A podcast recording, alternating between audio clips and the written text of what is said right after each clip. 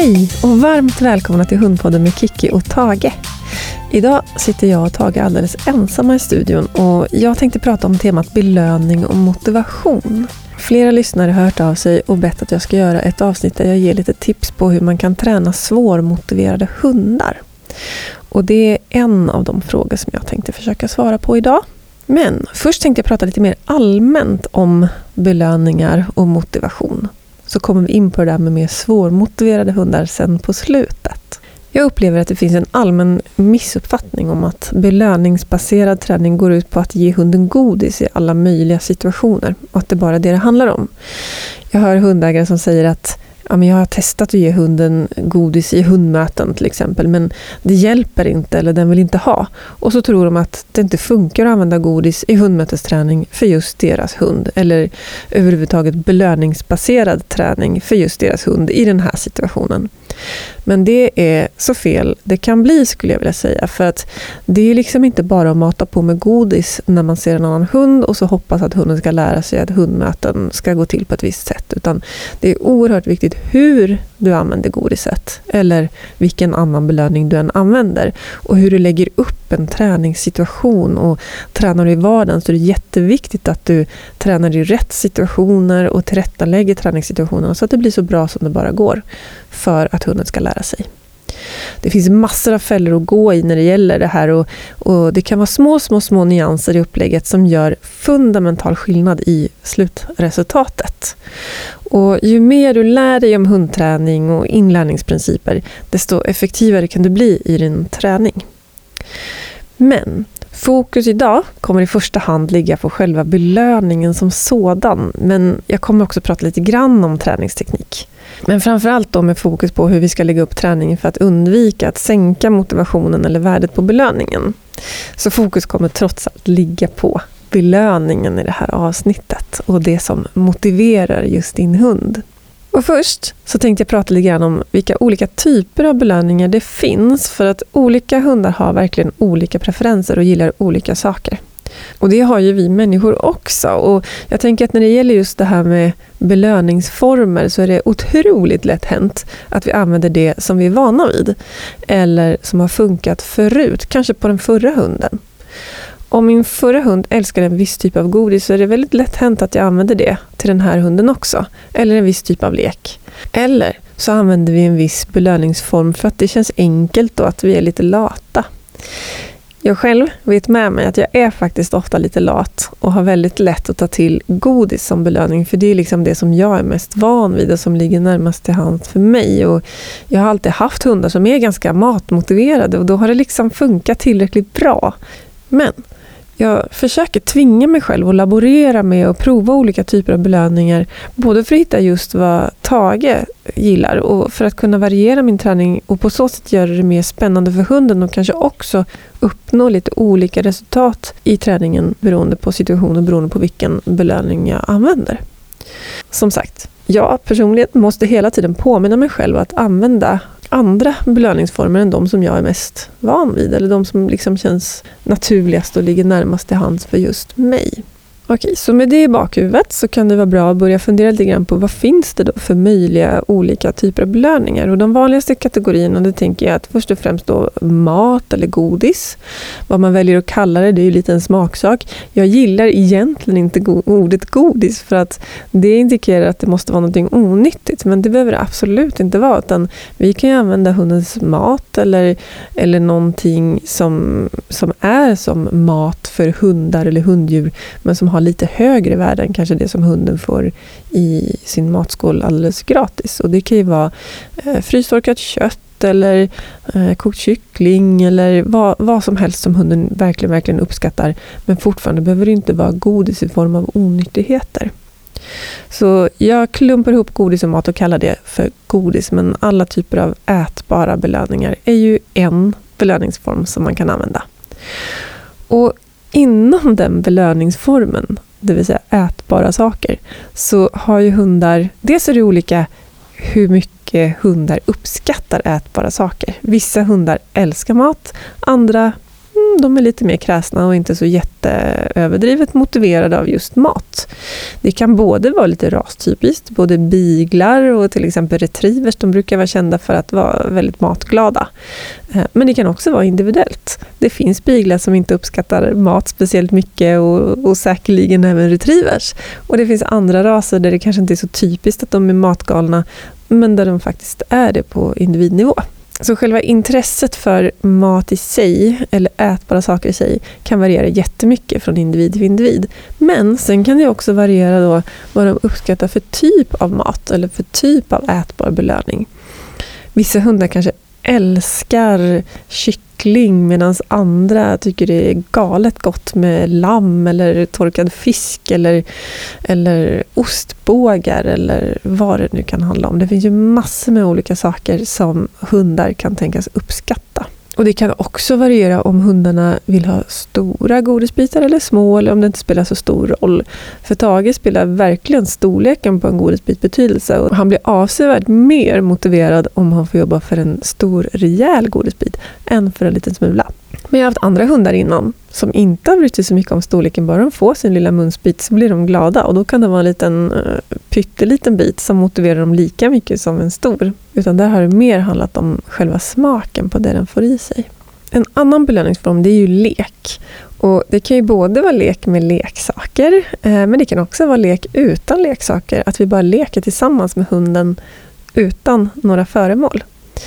Och om vi börjar med det här med leksaker så är det samma sak där. Olika hundar är olika intresserade av lek generellt. Vissa är väldigt, väldigt lekfulla och älskar lek och går igång på alla cylindrar när man leker med dem. Medan andra mm, är lite mer svårflörtade. Tage till exempel är inte speciellt förtjust i att leka, eller han har lärt sig med tiden, men från början så var han ganska svårflörtad.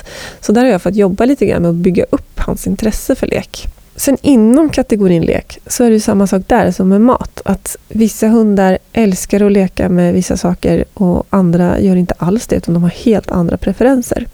Och exempel på leksaker, det kan ju vara leksaker med skinn på eller päls. Det kan vara pipleksaker, det kan vara gummileksaker, det kan vara bollar, det kan vara eh, leksaker som sitter på ett snöre så att de får jaga efter. Det finns massor med olika varianter. Det kan också vara olika vad hunden uppskattar att göra i leken. De kanske gillar att springa efter saker eller de gillar att de kanske gillar att springa efter saker eller de gillar att leka kamplek, det vill säga dra och slita i en leksak. Och det finns massor med olika varianter där också, olika slags leksätt. Och tittar vi på leken med oss utan leksak, då kan vissa tycka om att man kanske buffar lite på dem eller att man är nere på golvet och busar och kryper omkring. Man kan tänka sig att vissa gillar att vi tar några hoppsasteg tillsammans med dem eller vi springer tillsammans. Så det finns ju massor med olika sätt som vi kan leka tillsammans med hunden även utan leksak. Och Man kan också använda föremål ute som man hittar. Det kan vara en pinne eller att man kastar upp lite löv eller gör en snöboll eller så. Tredje kategorin av tänkbara belöningar det är beröm med rösten. Att vi peppar hunden och pratar med den på ett sätt som gör att hunden blir glad och positiv och känner sig duktig. För vissa hundar kan det vara jättebelönande att höra beröm från sin matte eller husse. Medan andra bryr sig inte alls lika mycket. Och Det kan ju delvis handla om individ, men också beroende på vad de faktiskt är framavlade för från början. Om de är avlade för ett arbete som bygger på mycket interaktion med sin husse eller matte till exempel, då, då kan det ju vara så att de uppskattar det mer än en hund som är avlad för väldigt mycket självständigt arbete. Fjärde kategorin som skulle kunna funka som en belöning, det är kel och beröring. Eh, att man gosar och myser med hunden, kelar med den, tar i den. Och det är samma sak där. Vissa hundar älskar det och andra är inte alls lika förtjusta i det. Och samma sak, de har olika preferenser inom själva kategorin. De kanske gillar att bli kelade på, på ett visst sätt eller kliade eller masserade. Och Det kan variera från hund till hund. Man kan också tänka sig lite olika kombinationer av det här. Jag tänker till exempel att man kan leka med hundens mat för att höja värdet på maten. Att bara få en matbit serverad rakt in i munnen, det kan vara lite tråkigt för hunden. Och det är klart att om hunden är tillräckligt intresserad av mat, då kommer det ju funka som en belöning för den hunden. Men en hund som inte är superintresserad av mat, eller om man vill höja värdet på maten ytterligare, då kan det bli bättre belöning om man låter hunden leka med maten. Det kan vara allt ifrån att man låter hunden jaga i fatt en godisbit som man kastar iväg, eller söka efter den, eller jaga efter en godisbit som jag har i handen och för liksom springer iväg bort från hunden och låter hunden liksom jaga efter och nästan sno godisbiten ifrån mig. Eller fånga den i luften eller vad det nu kan handla om. Många hundar uppskattar maten ännu mer om de får jobba för den söka efter den till exempel. Eller hoppa upp på en sten och få den där. Så det kan vara ett bra sätt att höja värdet på maten ett sätt att höja värdet på maten som Tage verkligen älskar, och som vi använder om jag vill att han ska bli riktigt, riktigt motiverad. Till exempel om han ska jobba lite längre stund för någonting eller så. Det är att jag gömmer maten i en liten burk. Jag har en liten plastburk med lock som får plats i fickan. Så stoppar jag i lite olika goda godisbitar där i och så skramlar jag lite med burken, stoppar den i fickan. Och så får han jobba en stund och sen får han den där som belöning. Antingen så kastar jag iväg den eller så har jag lagt den någonstans och så får han lov att springa och ta den när han har jobbat klart. Och hela det där upplägget, att han får jaga efter burken, vi öppnar den tillsammans och så att han får då frossa i det som finns i burken. Det behöver inte vara jättemycket, men gärna några olika varianter.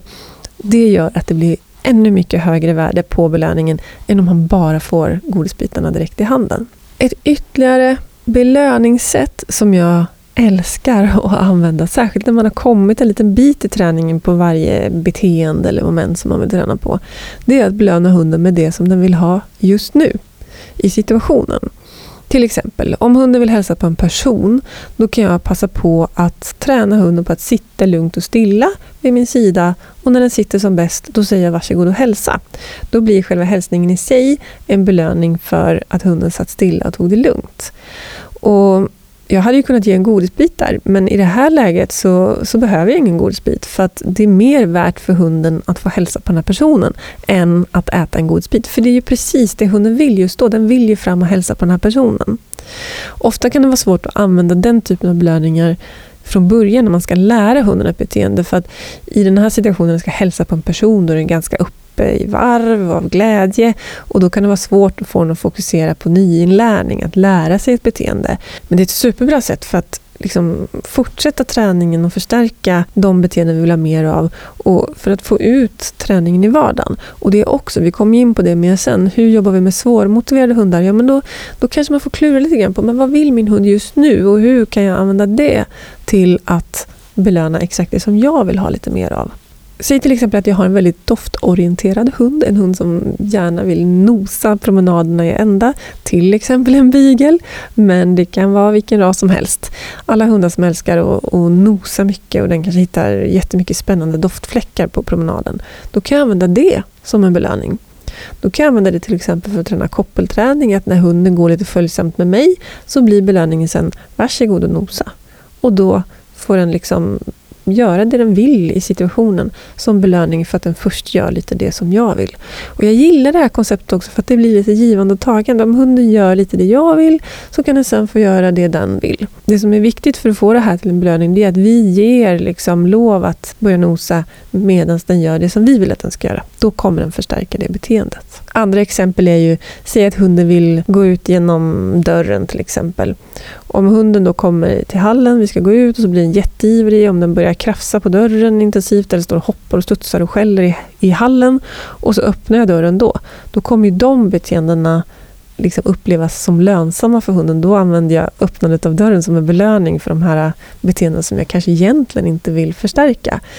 Då kan jag istället göra så att jag öppnar dörren innan hunden hinner börja jaga upp sig för mycket. Då kommer de lugna beteendena förstärkas istället. Eller att jag ber hunden göra ett lugnt beteende eller väntar tills den blir lugn och då öppnar dörren då kan jag använda själva öppnandet av dörren som en, en belöning av det som jag vill ha mer av i just den situationen. För det är precis det som hunden vill just där och då. Och då blir det en otroligt effektiv belöning. Så ta lite tid och fundera på de här olika kategorierna. Vilka använder du idag? Vilka uppskattar din hund? Finns det någonting bland de här kategorierna som du inte har provat med din hund eller som du innerst inne vet att hunden uppskattar men som du glömmer att använda. Som jag till exempel, jag får hela tiden påminna mig själv om att använda lek som belöning. För det vet jag att jag är väldigt dålig på och utnyttja som en del av träningen. Jag använder ofta godis och mat i träningen och jag leker ofta med godiset och maten. Men ren lek som belöning, det är jag faktiskt lite dålig på att använda. Och Tage har blivit duktigare och duktigare på att uppskatta det. Så det är en värdefull belöning även för Tage, även om det är ju lite lätt att bli bekväm i den situationen där jag vet att han älskar mat och godis. Men samtidigt så är det vissa situationer där, där dels är det bra med variationen och jag har också varit med om till exempel när vi hade en allergiutredningsperiod på honom där han inte fick äta någonting annat än sitt allergifoder. Då var det jättesvårt att belöna med mat. Då fick jag jobba ganska intensivt på att få honom att faktiskt uppskatta även lek som belöning. Så det kan vara värdefullt. Det man kan tänka på är att, precis som jag var inne på, olika hundar gillar olika saker. Och det kan variera från situation till situation. Ehm, så det kanske är så att hunden uppskattar kel och mys jättemycket hemma inne. Men ute i ett hundmöte så kan en klapp på sidan till och med bli stressande eller frustrerande för vissa hundar. Och Det där varierar från hund till hund. Vissa hundar kanske blir jättelugna och känner att det är något positivt att man tar i hunden i en hundmötessituation. Medan en annan hund kan tycka att det är jobbigt. Och beröm, det kanske är jättevärdefullt för en viss hund i en viss situation, men i en annan situation så smäller det inte så högt. Och Då måste man fundera på hur högt värde har den här belöningsformen för min hund i just den här situationen? Och Börja gärna med det. Om du ska träna på någonting, prova och se, vill hunden ens ha ditt godis just nu? Vill den leka just nu? Helt utan prestation. För att om den inte vill det utan att du ber den utföra något beteende först, då kommer det inte vara värt någonting som en belöning. Då måste du liksom först ta reda på vad vill min hund ha just nu eller vad behöver den för att vilja ha det som den brukar ha. Jag tänker också att du ska anpassa värdet på belöningen utifrån situationen och utifrån vad du konkurrerar med just då. Om det är en hög insats från hunden, då ska den också få ett högt värde på belöningen. Det vill säga, hemma i vardagsrummet, om du tränar något enkelt tricks eller ber hunden göra något som den kan, då kanske det räcker med beröm eller en torrfoderkula. Men om ni är ute i vardagen där det finns en massa spännande saker som konkurrerar, det kan vara andra hundar eller, eller vilt eller bara doften av en annan hund eller vad som helst som distraherar hunden, då kanske hunden har mycket svårare att fokusera på träning överhuvudtaget. Och då kan minsta lilla sak som du ber den om vara en stor prestation från hunden. Även om den kan sitt till exempel jättebra hemma inne. Så kan att sätta sig ner när du säger sitt, det kan vara jättesvårt ute i en viss situation. Och då behöver en ordentlig belöning i den situationen för att det är en svår prestation. Och där kan jag ibland se att i situationer där det är väldigt svårt för hunden att göra rätt, då kanske den tvekar lite, den kämpar lite med sig själv och så till slut så kommer den ändå på inkallning eller den gör det vi säger. Och Då är det lätt hänt att man låter bli att belöna hunden i det läget för att man tycker att det var inte så himla bra. Men där tänker jag lite tvärtom, att om hunden trots allt gör det du ber om fast att det är svårt för hunden och den faktiskt tvekar lite, då ska den ha en bra belöning för att det var en svår situation. Så prestationen från hunden var ju ändå hög, även om det inte var ett i grunden särskilt svårt beteende. För det var svårt där och då. Sen tänker jag att i nästa steg så behöver man kanske träna igen då i lite lättare situationer så att det inte blir den här tvekan för, från hundens sida utan att, att man får en gradvis ökning där hundens både beteende och känslor hänger med så att den är med på noten och tycker att det är i det stora hela ganska lätt. Det man också kan tänka på är att olika belöningar ger olika känslor i hunden. Om man till exempel jämför lugnt kel och lugnt beröm med pepp deppigt beröm eller att kasta iväg en boll, då får vi helt olika känslor i hunden. Och det kan vi utnyttja när vi tränar. Om jag vill belöna hunden för att den är på väg att koppla av och gå ner i varv, då kanske jag inte ska ha för peppigt beröm eller supergoda godisbitar eller kasta en boll, för då finns det risk att hunden går upp i varv igen. Utan då kan det funka bättre med lite mjukt och lugnt kel och mys och beröm. För det kommer liksom ytterligare skapa den känsla som jag vill ha i situationen. På motsvarande sätt så kan lite torrt, halvgott, knaprigt godis eh, ge en lite lugnare känsla än mjukt, supergott godis. Och det mjuka, supergoda, jättesmakliga godiset, det kanske du verkligen vill ha när du vill ha en stark, intensiv belöning. Medan det torra, halvgoda, knapriga kan du använda i situationer där du kanske vill dra ut på belöningen lite längre och vill ha en lugnare känsla i hunden. Hur belöningen levereras är ju också avgörande för känslan. Om de får liksom springa efter en godisbit som flyger iväg eller jaga efter den i din hand eller fånga i luften, ja men då får vi en intensivare känsla jämfört med om du bara ger godisbiten i handen. Jämför det till exempel om du skulle kasta iväg en boll som hunden får springa efter jämfört med om du bara lugnt ger bollen till hunden. Det är ju inte bollen i sig som är en belöning oftast. Eh, eller leksaken om du bara ger en leksak. Utan det är ju leken med bollen. Eller leken med leksaken. Och Det tycker jag att jag ofta får påminna om på till exempel mina valpkurser. Att när ni belönar med lek, tänk på att det är leken med dig som är belöningen, inte själva leksaken i sig. Så det räcker inte att bara belöna genom att ge hunden en leksak, utan du måste engagera dig i leken och verkligen leka med hunden. Det är då det blir en värdefull belöning. När jag ska lära in någonting nytt, då börjar jag ofta med mat eller godis eh, som belöningsform. Dels för att det är oftast ett ganska lätt sätt att belöna många gånger så att man kan lätt få till många täta repetitioner där i början. Och Man kan också ofta använda godiset lite för att hjälpa hunden att hitta rätt beteende med hjälp av godiset.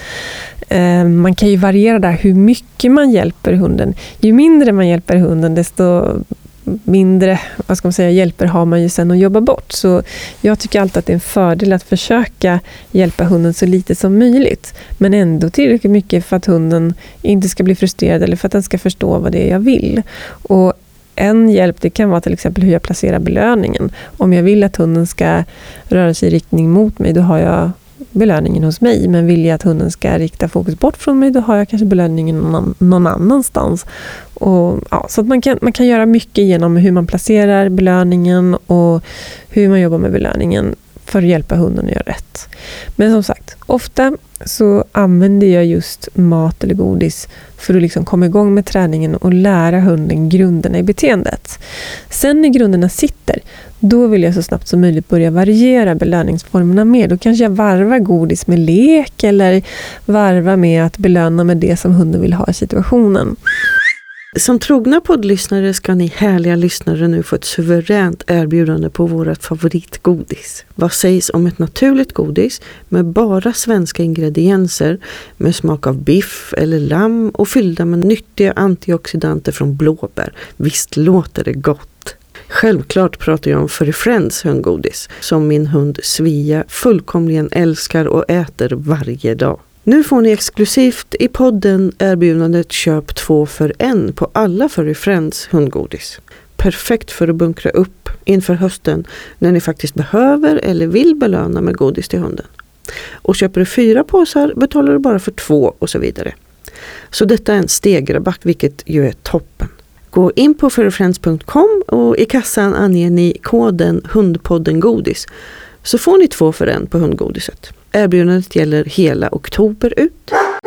Nu har jag ju pratat mycket om att hundar har olika preferenser. Det finns ett antal olika belöningsformer och eh, det kan löna sig att lägga lite tid på att ta reda på vad ens hund gillar. Och, och utforska de olika kategorierna. Kanske fråga kompisar om tips och råd på vad, vad gillar din hund bäst? Och så kan man prova om ens egen hund gillar det. Och så får man helt enkelt prova sig fram och låta fantasin spela lite grann. Om det nu är så då att hunden inte är så intresserad av till exempel godis och mat eller lek eller så, då tycker jag att man ska liksom inte stanna där vid att bara acceptera att jaha, min hund gillar inte mat eller min hund gillar inte lek, utan man kan jobba med att öka hundens intresse för till exempel mat eller lek.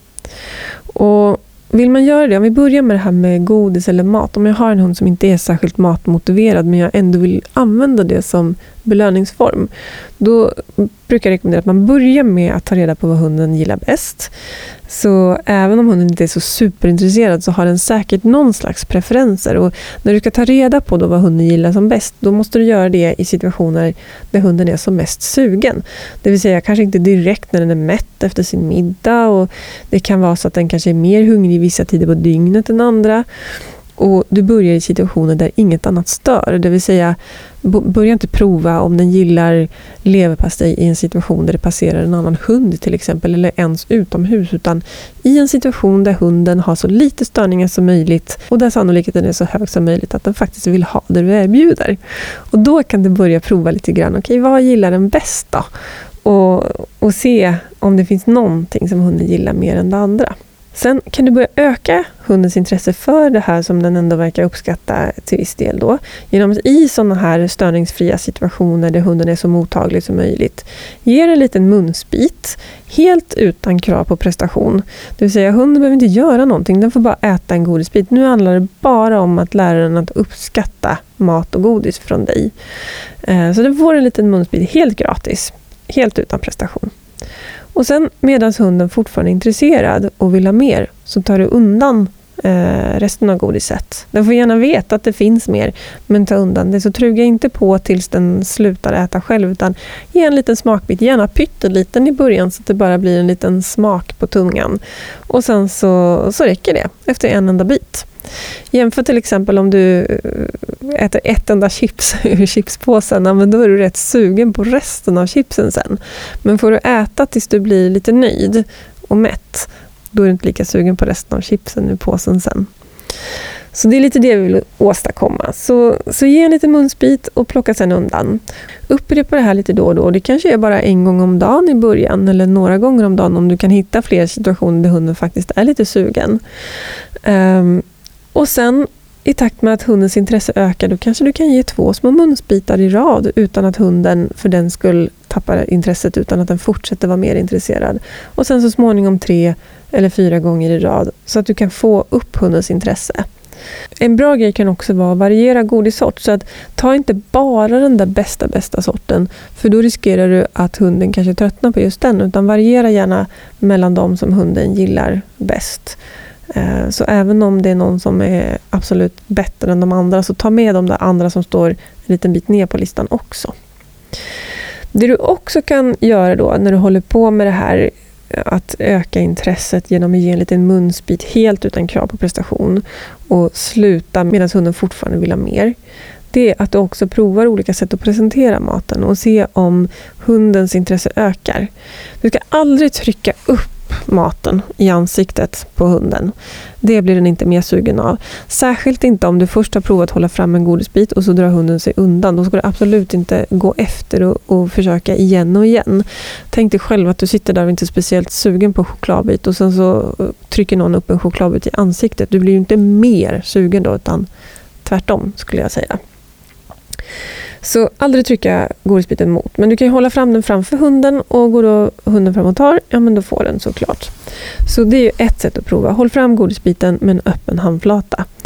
Eh, du kan också prova, vad händer om du håller fram godisbiten och suktar lite och sen så går bort från hunden så att den får gå efter och försöka fånga godisbiten. Ökar hundens intresse eller ger den upp?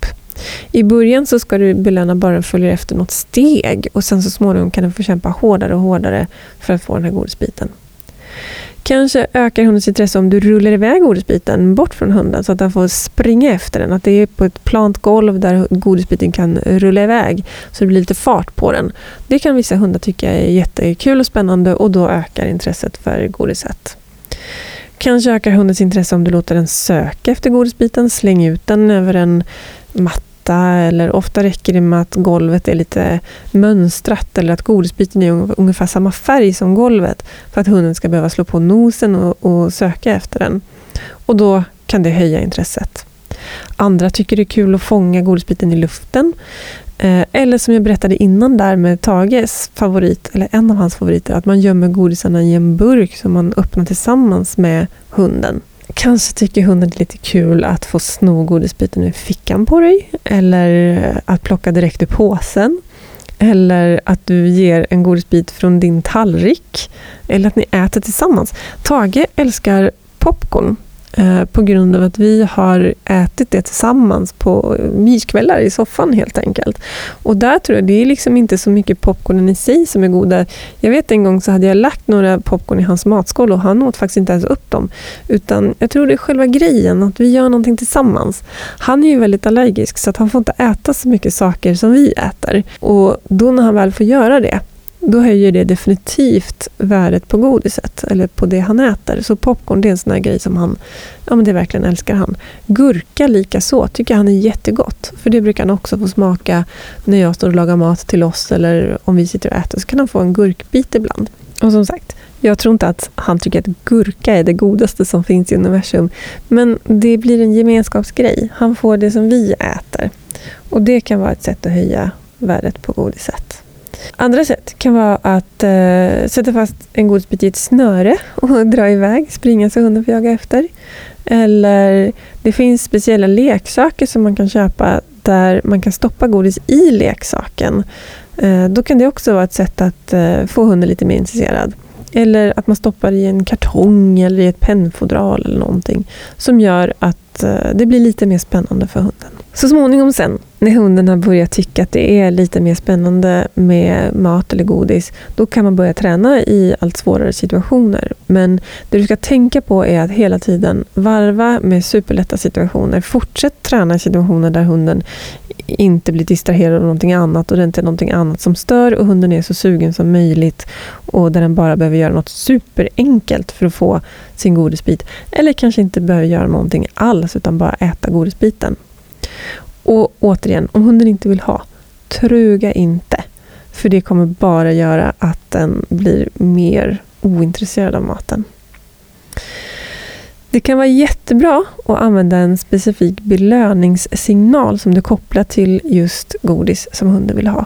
Jag själv har ingen specifik belöningssignal som betyder just godis. Hade Tage varit kräsen då hade jag definitivt skapat en belöningssignal för just specifikt godis som jag fyller med värde och det vill säga använder i de här situationerna där hunden verkligen vill ha godiset i början. Exempel på belöningssignal kan till exempel vara gott, men jag använder min generella belöningssignal som är yes. Den kan jag använda både för lek och för godis. Men som sagt, vill man bygga upp värde på specifikt eh, godis, då skulle jag nog rekommendera att ha en specifik belöningssignal för det. Om du använder den mycket i de här lätta situationerna, då kommer hunden få en positiv association till belöningssignalen och då kommer också sannolikheten att hunden vill ha godiset öka. Dessutom så får man faktiskt en liten extra dopaminkick när man använder belöningssignal. För att när hunden får en förväntan om att få någonting, då frigörs mer dopaminer än när den får belöningen.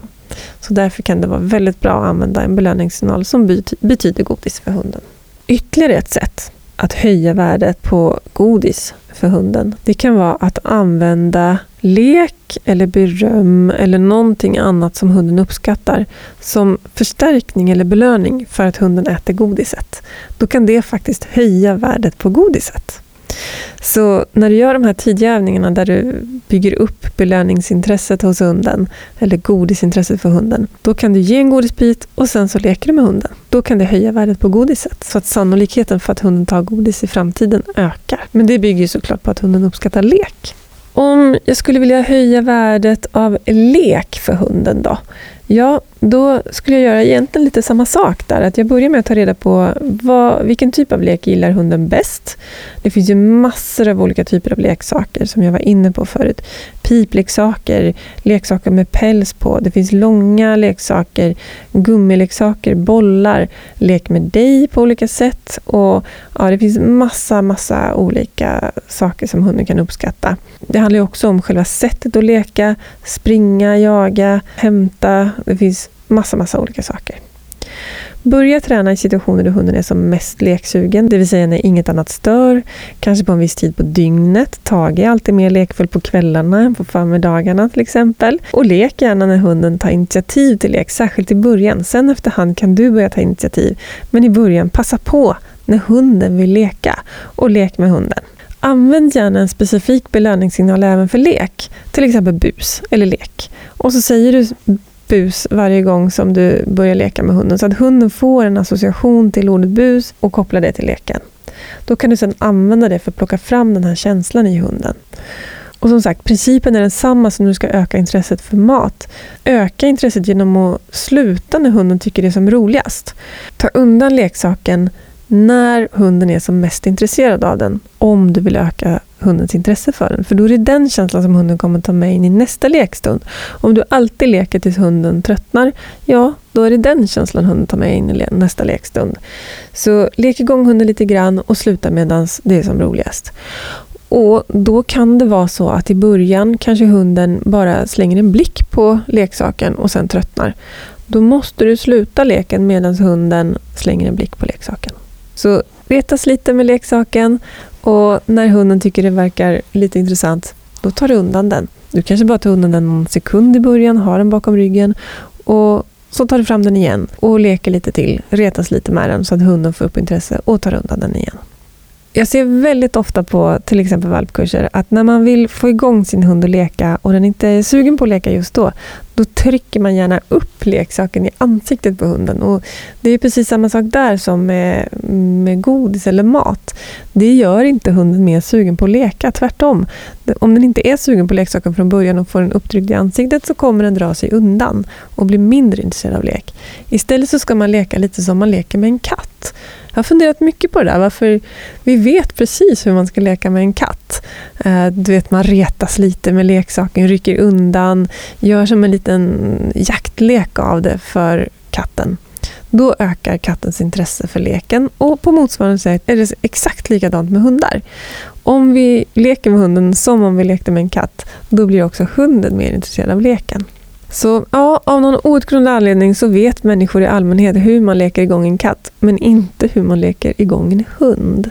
Ett tips är också att ha några leksaker som är liksom era belöningsleksaker, eller som ska bli era belöningsleksaker. Och de ligger inte framme hela tiden för då, då har ju hunden liksom fri tillgång till dem och de ligger också där när de är ganska tråkiga.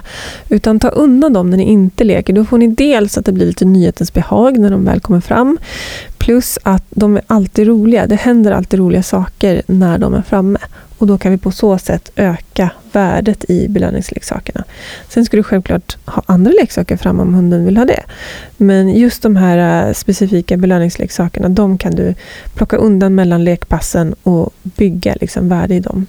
Och återigen, när det väl börjar bli lite mer intresse, då kan du upprepa det här och då kan du leka allt längre stunder efterhand som hunden liksom lär sig och blir mer och mer uthållig i sin lek och tycker att det är roligare.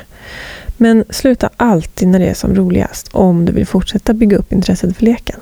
Du kan också göra så att du belönar lek med godis om hunden föredrar godis. Jag har gjort som med Tage att eh, utöver att jag har följt alla de andra eh, rutinerna då för att få upp leken, så har jag också gjort så att när han är igång och leker så ger jag min godisbelöningssignal, yes i hans fall, och så ger jag en godisbit.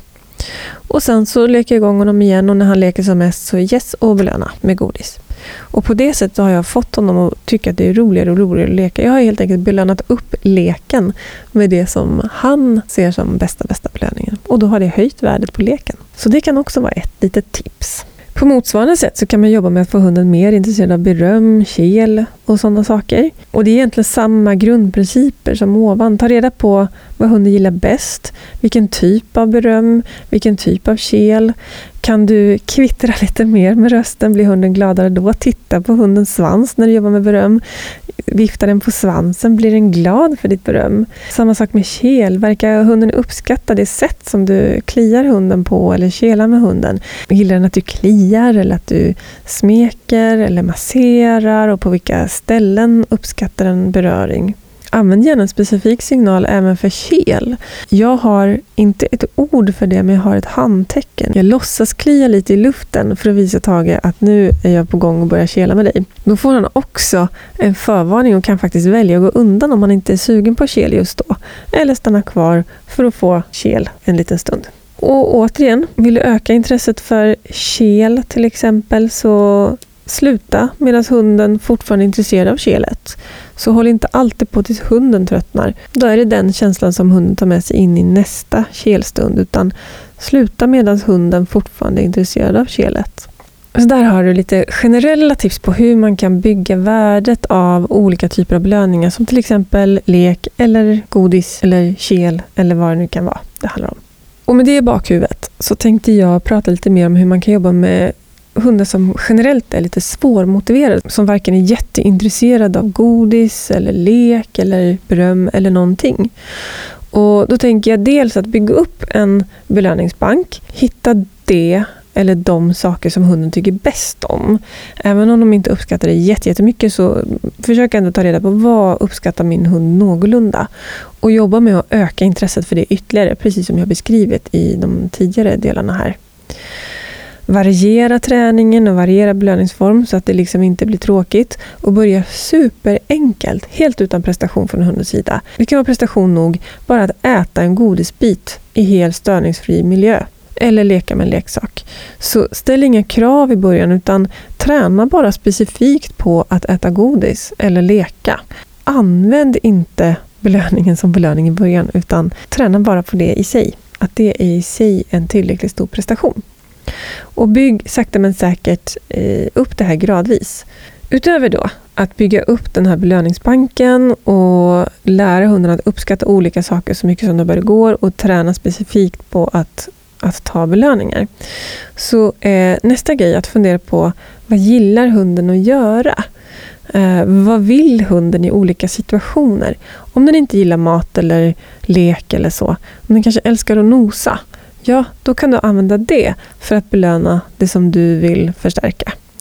Och Det kan man använda både i vardagen, eh, vid ett hundmöte kanske belöningen blir att eh, nosa fritt igen. Man ber hunden gå vid sidan, berömmer den så mycket man kan med rösten och sen när man passerat så blir det varsågod och nosa igen. Eller om hunden älskar att sitta och titta på andra hundar, ja men be att få hundens kontakt en liten stund och sen säger du varsågod och titta. Det går ju också att använda när det gäller träning av en specifik hundsport till exempel. Jag som tränar rallylydnad och har en hund som älskar att nosa. Jag använder ofta nosande som en belöning. Han älskar ju när vi kommer till en ny plats och nosa av själva träningsplanen. Och Då brukar jag ofta göra så att vi går inte ut på planen först utan vi tränar, eller vi kanske tränar på en liten del av planen. Och sen så när jag har gjort någonting svårt för honom där det har varit en liten, en lite större utmaning, då kan belöningen för det bli varsågod och nosa på en outforskad del av planen. Och En av de svåraste grejerna för honom det är att gå följsamt med mig och göra olika saker på en outforskad del av planen. Så där brukar jag ofta göra så. Egentligen varje gång jag är och tränar så försöker jag alltid lägga in något lite pass av att vi, vi går ut och gör några moment på en o, oavnosad yta.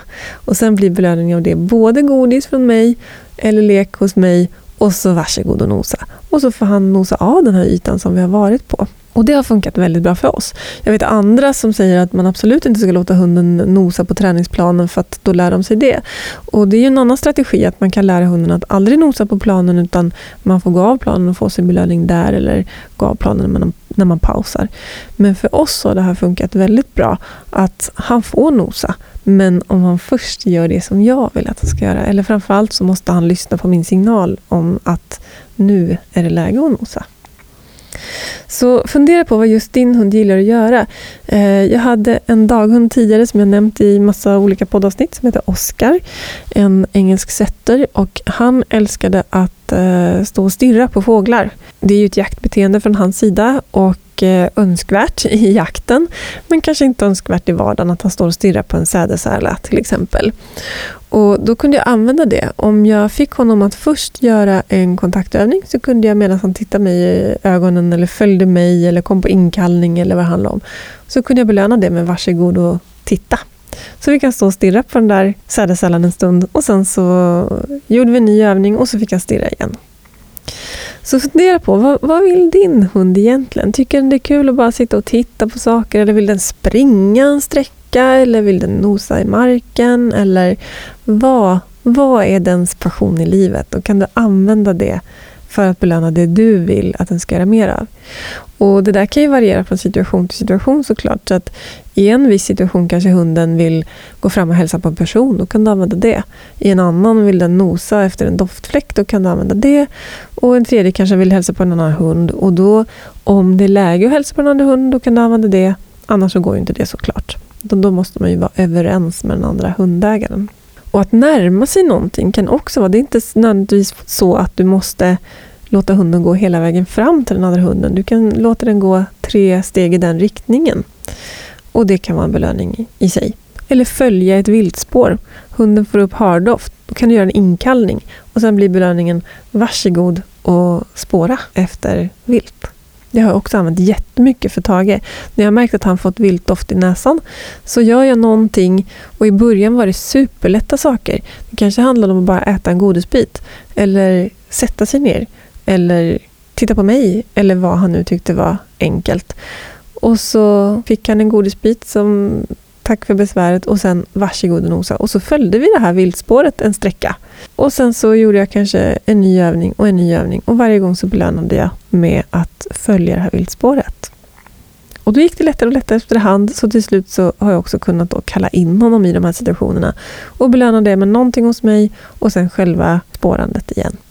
Och då lär sig hunden också att det är ingen fara att överge det där som de verkligen vill för att de kan både få någonting hos er och få gå tillbaka till det som de ville från början. En annan sak som kan vara värd att tänka på det är att man Fundera på vilken tid och plats är hunden mest motiverad på. Även om den inte är särskilt motiverad så finns det säkert tider på dygnet eller olika platser eller olika situationer där hunden har lite motivation. Gör då lite träning där och sluta medan hunden har det som roligast och så börja bygg därifrån. Det är ingen idé att försöka träna i de där situationerna som inte funkar för det kommer bara leda i fel riktning. Börja med det som funkar och ta er sen sakta men säkert mot målet. Och vägen kan kännas lång när man börjar med de här myrstegen. Men tar man myrstegen, då går det avsevärt snabbare än om ni håller på och kämpar i alldeles för svåra situationer. För att det kommer till och med leda er längre från målet. Och I början så kräver du minimalt från hundens sida, kanske ingenting. Det räcker med att bara äta en godisbit. Och sen ökar kraven efterhand. Och återigen, variera. Ibland lätta, ibland svåra situationer så att det inte bara blir svårare och svårare för då kommer hunden ge. Så börja med nuläget och ta med lagom stora steg från nuläget till målet. Och lagom stora steg, det är helt enkelt steg där ni får med både rätt känsla och rätt beteende. Och ni gör ökningen oregelbundet så att det inte bara blir svårare och svårare. En annan sak som kan vara värd att tänka på, det är att man, om man har en hund som är lite svårmotiverad, då skulle jag vara väldigt, väldigt försiktig med att använda belöningen för att lura hunden. Man ska aldrig lura hunden, men det blir extra viktigt om man har en svårmotiverad hund. För hunden kommer genomskåda dig och lära sig att ja, men när matte eller husse plockar fram belöningen, då är det bäst att gå därifrån för att det kommer, det kommer straffa sig. Om du till exempel använder godis för att locka till dig hunden och sen gör något obehagligt med den, till exempel om den inte uppskattar kloklippning och så använder du godis för att locka till den utan att avslöja att det är kloklippning på gång. Och när den väl kommer, då fångar du hunden och så klipper du klorna. Då kommer hundens vilja att komma till dig när du har en belöning, den kommer minska.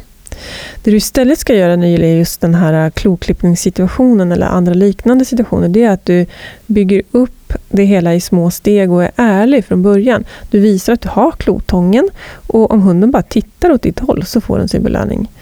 Nästa steg kanske är att den behöver närma sig någon, någon decimeter för att få sin belöning.